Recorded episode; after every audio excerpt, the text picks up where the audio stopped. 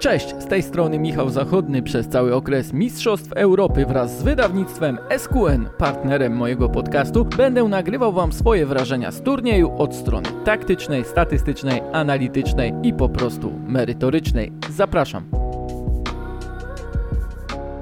Przed nami trzy spektakle na Wembley, dwa półfinały już we wtorek oraz w środę. E, Zestaw e, tych półfinałów nie jest zaskoczeniem, gdy spojrzy się na obraz tego turnieju. E, We wtorek oczywiście zobaczymy dwa zespoły wyróżniające się pressingiem oraz kreatywnością w środku pola. Dla Włochów i Hiszpanów to właśnie ze środkowej strefy wynikały najlepsze ich momenty w dotychczasowym turnieju. Z kolei w środę zobaczymy najlepszą defensywę Euro 2020, więc Anglików, którzy zmierzą się z najszybciej prowadzącą swoje ataki drużyną, a więc Danią. To także e, najlepsze, przynajmniej dla mnie, ekipy pod względem prowadzenia gry skrzydłami i właśnie pod tymi względami gry w środku pola oraz gry na skrzydłach przeanalizuję półfinałowe starcia. Jeśli chodzi o mecz Włochów z Hiszpanią, to ostatni raz tak czekaliśmy na starcie w środku pola, gdy te dwa zespoły walczyły w finale Euro 2012 w Kijowie. Oczywiście przesadzam, ale wówczas Włosi z Andreą Pirlo i trójką dynamicznych zawodników ustawionych w diamencie w środku pola w świetnym stylu zdominowali najpierw Anglików w ćwierćfinale, a także z tej strefy wzięły się ich bramki w półfinale z Niemcami. Jednak decydujące spotkanie finałowe zdecydowanie w tej strefie na swoją korzyść rozstrzygnęli Hiszpanie i wystarczy przypomnieć sobie cztery zdobyte e, przez nich bramki, by to zrozumieć. Przy golu na 1-0 Pirlo nie zablokował Iniesty, który zagrał prostopadle do Fabregasa, wbiegającego za plecy Kieliniemu i ten wycofał do Silwy, który już głową wpakował piłkę do pustej bramki. 2-0 to akcja Szawiego, który znajduje ogrom przestrzeni przed linią obrony, nie jest w ogóle presowany przez choćby Pirlo, powoli prowadzi sobie piłkę od połowy boiska i tylko czeka, aż będzie idealny moment do podania na wbiegającego lewego obrońcę Jordiego Albę, który zdobywa e, drugiego gola. 3-0. Pirlo próbuje rozegrać piłkę przez środek pola, ale Hiszpanie idealnie przerywają akcję jeszcze na połowie Włochów. Xavi po przechwycie zagrywa prostopadle do Torresa, który znów wykorzystuje sytuację sam na sam. 4-0, znów mnóstwo przestrzeni ma Busquets na zagranie prostopadłego podania do Torresa przez dwie linie Włochów, a ten będąc oczywiście sam na sam e, z Buffonem, odgrywa jeszcze do Maty, który strzelał do pustej bramki. Tyle z lekcji historii. Myślę, że odrobił ją również e, Roberto Mancini, ale teraz wydaje się, że będzie trochę inaczej, ponieważ druga linia Włochów po prostu znacznie lepiej presuje. Zauważalny jest podział ról, w którym Marco Verratti oraz Nicolo Barella wychodzą wysokim pressingiem, a Jorginho notuje przechwyty i zbiera drugie piłki między liniami. To zresztą ten ostatni dyktuje również tempo i kierunek ataków Włochów, ale istotne jest to, że umie to robić pomimo tego, że kolejni rywale starają się go powstrzymywać. To przecież on wykonał najwięcej podań pod pressingiem przeciwnika w tym turnieju, a mimo to jego dokładność jest na niesamowitym poziomie przeciwko Belgom w ostatnim meczu. Pomylił się ledwie raz. Te dwa gole strzelone Belgom też pokazują najlepiej przemianę Włochów w kontekście ich gry w środku pola. Pierwsze trafienie Bareli to efekt właśnie pressingu zaraz po akcji polu karnym, błyskawicznym doskoku Verrattiego i przechwycie na 20 metrze. Ale przypomnijcie sobie drugiego gola, bo wówczas też Włosi jeszcze kilkanaście sekund przed rajdem Lorenzo Insigne byli pod polem karnym Belgów. Wówczas to Jorginho zdecydował się wycofać piłkę na połowę, skąd Bonucci zagrał ją jeszcze do bramkarza, a cała trójka pomocników wróciła się na własną część boiska. Było to zrobione po to, by wyciągnąć Belgów z ich połowy i otworzyć przestrzeń, którą po dalszym rozegraniu przez Barelę wbieg Insigne. Skrzydłowy musiał przedryblować wyłącznie Tilemansa, bo żadnego innego asekurującego tę strefę rywala nie było. E, Niewiele zespołów stać na tak umiejętne dyktowanie tempa, a rytmii gry połączoną z tak spektakularnym wykończeniem. Jednak Hiszpanie w środku pola są lepsi niż wielu się wydaje. E, Busquets nadal operuje w tej samej roli co zwykle, jednak znacznie istotniejsze są postacie, którymi jest otoczony. Zwrócę uwagę w tym odcinku podcastu, zwłaszcza na Pedriego. Dla mnie to jedno z odkryć minionego sezonu, już nie tylko w hiszpańskiej piłce, ale w całej Europie. To też zawodnik, który słowami Luisa Enrique ma wszystko, by w tej roli w środku pola już występować na topowym poziomie, pomimo ledwie 18 lat. Pedri przebiegł najwięcej kilometrów w Mistrzostwach Europy obok Jorginho, wykonał najwięcej podań pod presją, tylko Jordi Alba ma więcej kluczowych podań od niego, do tego jest liderem klasyfikacji wprowadzeń piłki w strefę ataku. Zresztą wykonał takich akcji, co ciekawe, dwa razy więcej niż najwyżej rozstawiony w tym rankingu Włoch, nieobecny we wtorek Leonardo Spinazzola. Enrique podkreśla, że Pedri fantastycznie się ustawia, dzięki niemu zespół trzyma równowagę między obroną i atakiem, która jest kluczowa dla każdego zespołu. Jeśli więc będziecie obserwowali Pedriego we wtorkowy wieczór na Wembley, to zwróćcie uwagę, w jakich miejscach i jak często otrzymuje podanie, będąc już odwróconym w stronę bramki przeciwnika. To wszystko jest zakorzenione poprzez szkolenie, poprzez pracę, poprzez inteligencję tego e, zawodnika. Jeśli kogoś Włosi muszą w środku pola więc pilnować, to właśnie Pedriego, ponieważ to on wykreował podaniami najwięcej okazji bramkowych w całym turnieju. Nie będzie to takie łatwe, ponieważ jego ruchliwość, umiejętność stworzenia przewagi podaniem lub prowadzeniem piłki sprawia, że zdecydowany pressing może nie wystarczyć. Jednak ta strefa będzie jak zwykle w meczu Włoch z Hiszpanią kluczowa. Wystarczy przypomnieć kolejne spotkania, już nie tylko ten przywołany przeze mnie mecz z 2012 roku, ale nawet na poprzednim Euro we Francji Antonio Conte zdawał sobie doskonale sprawę z tego, że musi środek pola zablokować. Tamta linia pomocy Włochów działała bardzo schematycznie, świetnie pozycyjnie, blokując rozegranie od środka i wejścia między linie.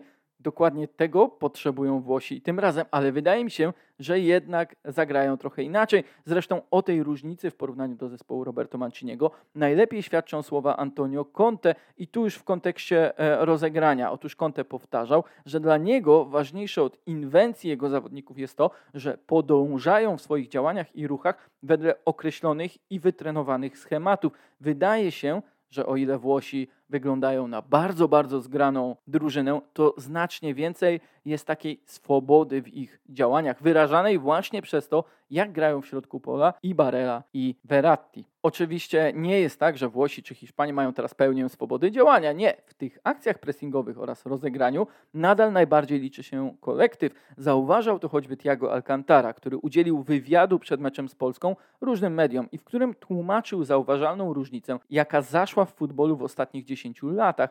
Mówi, że obserwuje mniej fantazji i magii, że zawodnicy nie muszą już dryblować, ponieważ są bardziej rozwinięci, lepiej oddychają, czyli są po prostu lepiej przygotowani fizycznie, a więc ich gra nie może opierać się na momentach zwalniania z piłką, wybierania sobie opcji po dłuższej obserwacji tego, co jest na boisku. Nie, gdyby tak zaczęli robić, to zaraz byliby zamykani w pressingu, dlatego trzeba jak najszybciej myśleć i właśnie ten półfinał rozstrzygnie się najbardziej w głowach. Mając dwie drużyny, które chcą i potrafią dominować przy piłce, kluczowe będzie to, to mając ją, szybciej wybierze najbardziej optymalne rozwiązanie, zwłaszcza, że mowa o dwóch identycznie ustawionych zespołach. W środę będzie inaczej, bo prawdopodobnie zmierzą się drużyny, które grają jednak w innych ustawieniach, o ile oczywiście Gareth Southgate nie uzna, że wzorem meczu e, z Niemcami kluczem do pokonania Danii też będzie zahamowanie wahadłowych w drużynie przeciwnej. W jednej ósmej finału zmienił ustawienie na 3-4-3, by wyżej presować Kimisia i Gosensa, co w końcówce przełożyło się na dwie decydujące akcje Luka który najpierw asystował przy golu Rahima Sterlinga, a następnie zaliczył przechwyt przy ataku na trafienie Harego Kane'a. Jednak warto dostrzec, że również przeciwko Ukrainie w systemie już 4-3-3 to Anglia była bardziej groźna lewą stroną. To z niej zbiegał do środka Sterling, zanim zagrał piłkę do Kane'a przy 1-0. W drugiej części spotkania show najpierw asystował dośrodkowując rzutu wolnego do Kane'a, a następnie po kilku minutach poszedł na obieg Sterlingowi i skończyło się trzecim golem. Zresztą patrząc na ranking całego turnieju pod względem wykreowanych sytuacji, to nie tylko Anglików wcale nie ma tak wielu w czołówce, ale gdy już się pojawiają pod koniec, uwaga, trzeciej dziesiątki, to wyróżnia się właśnie dwóch, Sterlinga oraz Shaw'a, którzy mają po 10 takich akcji. Anglia, pomimo oczywistej umiejętności zmieniania ustawień, jest dosyć prostą do rozczytania drużyną. Jest mocna dzięki temu, z jaką jakością oraz determinacją piłkarze wykonują polecenia Southgate'a.